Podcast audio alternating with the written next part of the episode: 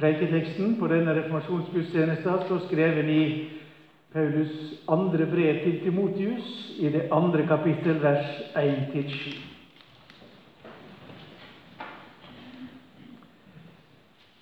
Så vær da sterk, barnet mitt, ved nåden i Kristus Jesus.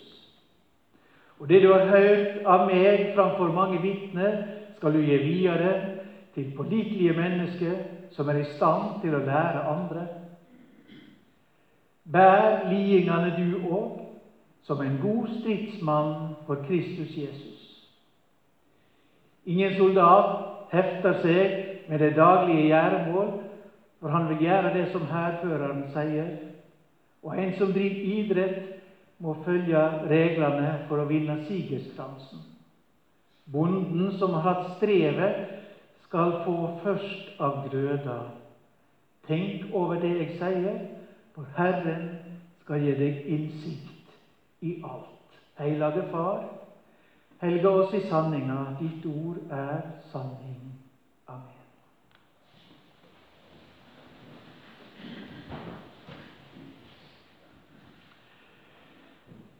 Kjernen i tidene, i verden og i mennesket endrer seg egentlig ikke.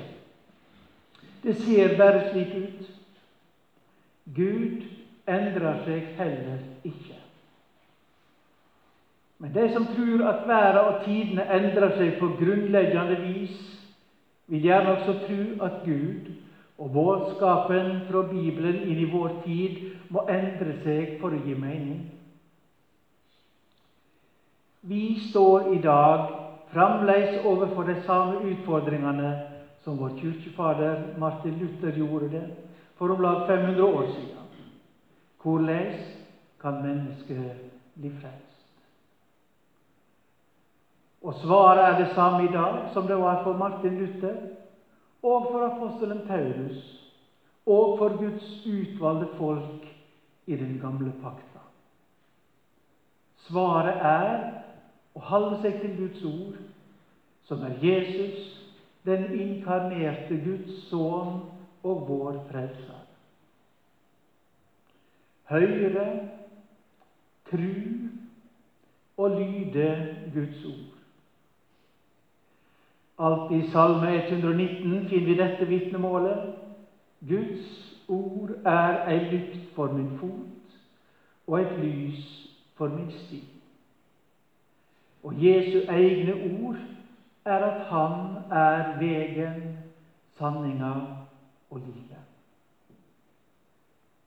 Vi står i dag overfor de samme utfordringene som apostelen Paulus gjorde for 2000 år siden da han skrev dette brevet til sin venn og medarbeider Timotius. Det var ikke alle som ville ta imot evangeliet den gangen heller.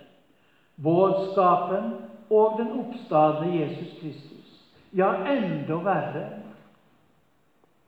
Det var også de som hadde tatt imot, men vendte seg bort og ikke lenger ville være i lag med de truende og med, med alle de konsekvensene det hadde å vedkjenne seg trua. Du kjenner til at alle i Asia har vendt seg fra meg, sier apostelen Paulus til sin venn Timotius. Og slik han skriver det, så må det være mange. Men Paulus nevner Fygelos og Hermogenes spesielt. Kanskje var det ledere eller i det minste av de som hadde betydd mye for kirkelyene der. Men da Paulus var fengsla i Rom, og trykksmåla hang over de kristne flere stader, da gav de seg. Da vender de seg bort. Da kjenner de seg tryggere i lag med de som hørte til mainstream i samfunnet, de som ikke var velsett, og som ikke var truga på livet. Men apostelen Paulus tegner ikke et helsvart bilde av den tida han levde i. Onesiforos og familien hans fra Efesus tok tunge tak for trua si skyld. Og han kom sjøl til Roma og leita etter Paulus da han satt i fengsel, for å oppmuntre ham der. Men tidene var vanskelig, vanskelige for de kristne, da som nå. Kanskje enda mer da, om vi sammenligner dem med oss som lever i vårt land og i den vestlige verden i vår tid. Men dette er altså bakgrunnen for Paulus' i formaning til sin venn og medarbeider Timotius. Vær da sterk, barnet mitt, ved nåden i Kristus Jesus. Og nøkkelen til denne styrken er nåden. Det livet apostelen Paulus ville verne og hjelpe Timotius til å holde fast på, er livet med Gud. Det evige livet. Det livet som springer fram av trua på evangeliet.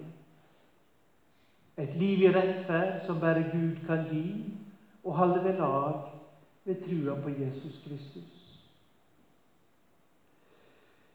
Når vi på nytt feirer reformasjonsdagen, så er det for å understreke på nytt at det kristne livet er grunna på Guds nåde og trua på Jesus alene. Det var dette vår kirkefader Martin Luther gjenoppdaga, og som førte til reformasjonen. Men grunnlaget for disse oppdagingene finner vi i Bibelen.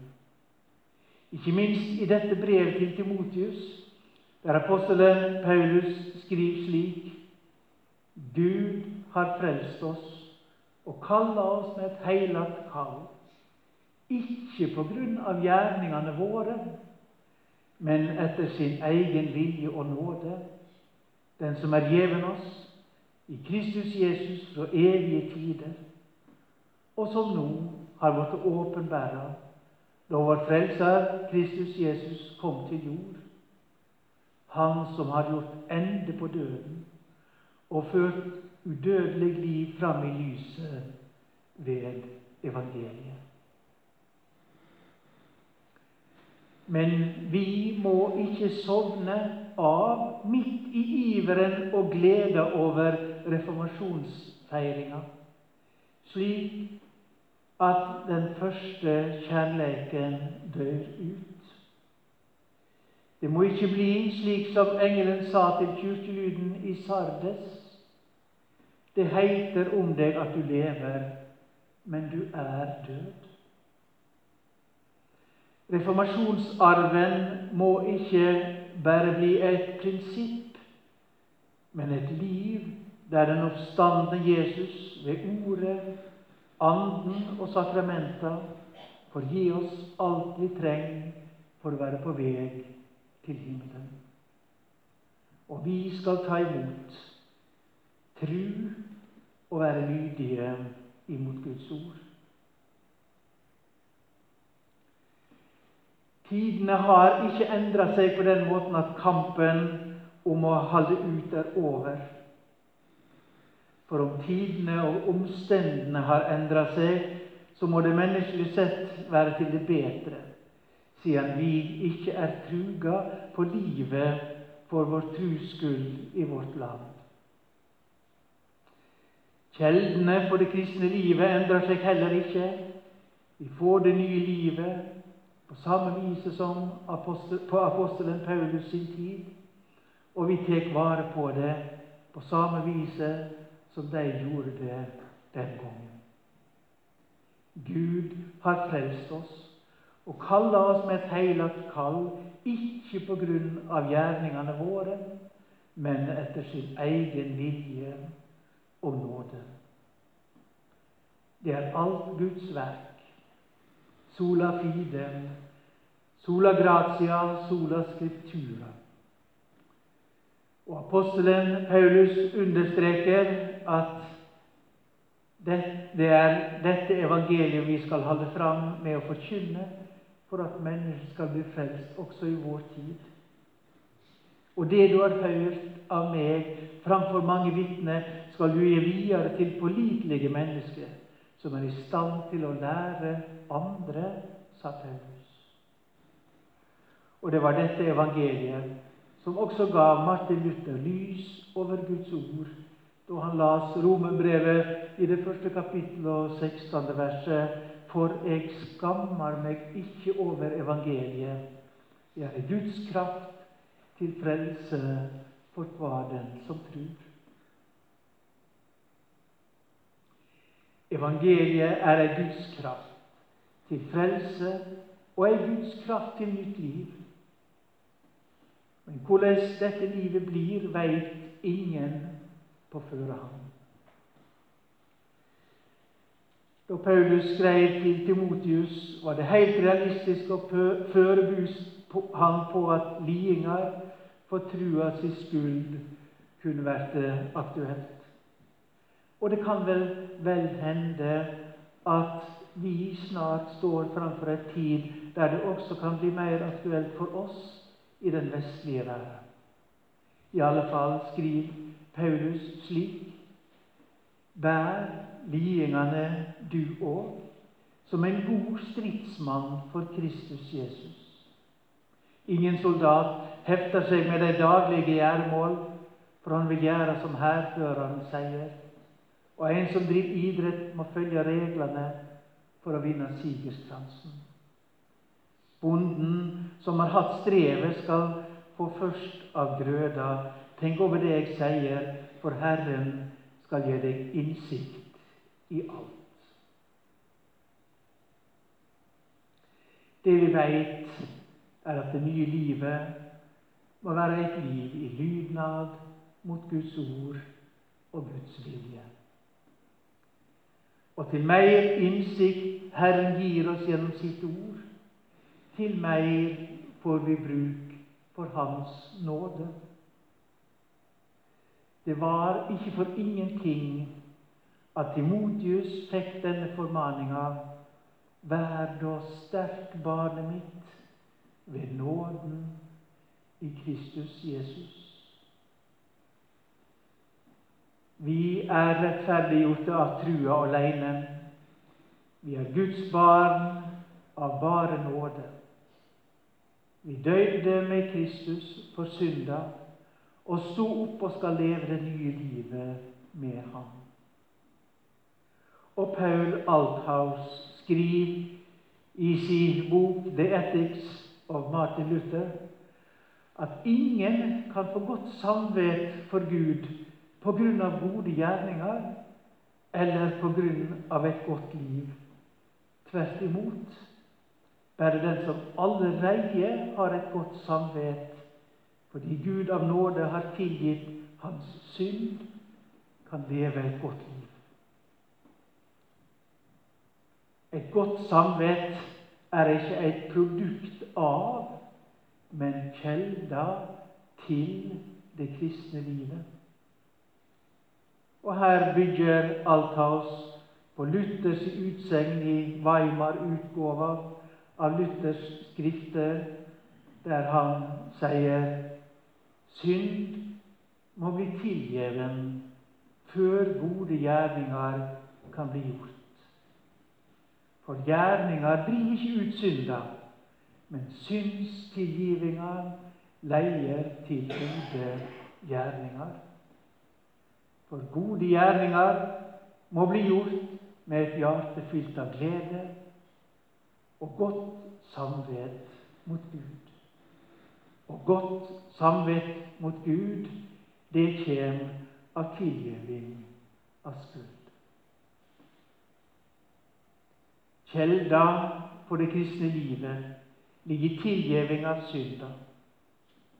Her har vi truleg langt att å gå i det å se og å ause av kjelda til det gode kristne livet.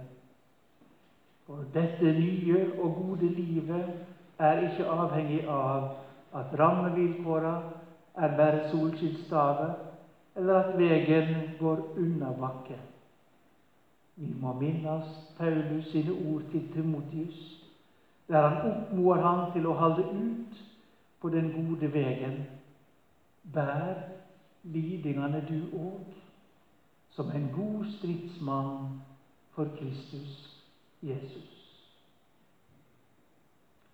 Apostelen Paulus ville heller ikke bytte ut sitt liv og sin livsveg fordi kjelda til hans liv var evangeliet og Guds nåde. Og han skriver slik til Timotius i samme kapittel De fortåler deg alt for det utvalgte, så de òg kan vinne frelsa i Kristus Jesus og få evig herligdom. Det er et troverdig ord. Har vi dødd med Ham, skal vi òg leve med Ham. Held vi ut, skal vi òg herske i lag med ham. Fornekter vi, skal Han òg fornekte oss. Er vi truløse, så er Han enda trufast, for Han kan ikke fornekte seg sjøl. Gud er trufast, og Hans lovnader står fast for alle de som tar imot og lever av Guds ord og i Guds nåde.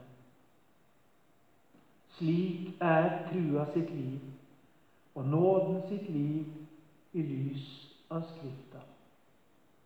Og så får vi følge kallet til å leve det nye livet som er grunna på Guds nåde og blir styrt av Hans kompass for livet, det kompasset som er Guds ord.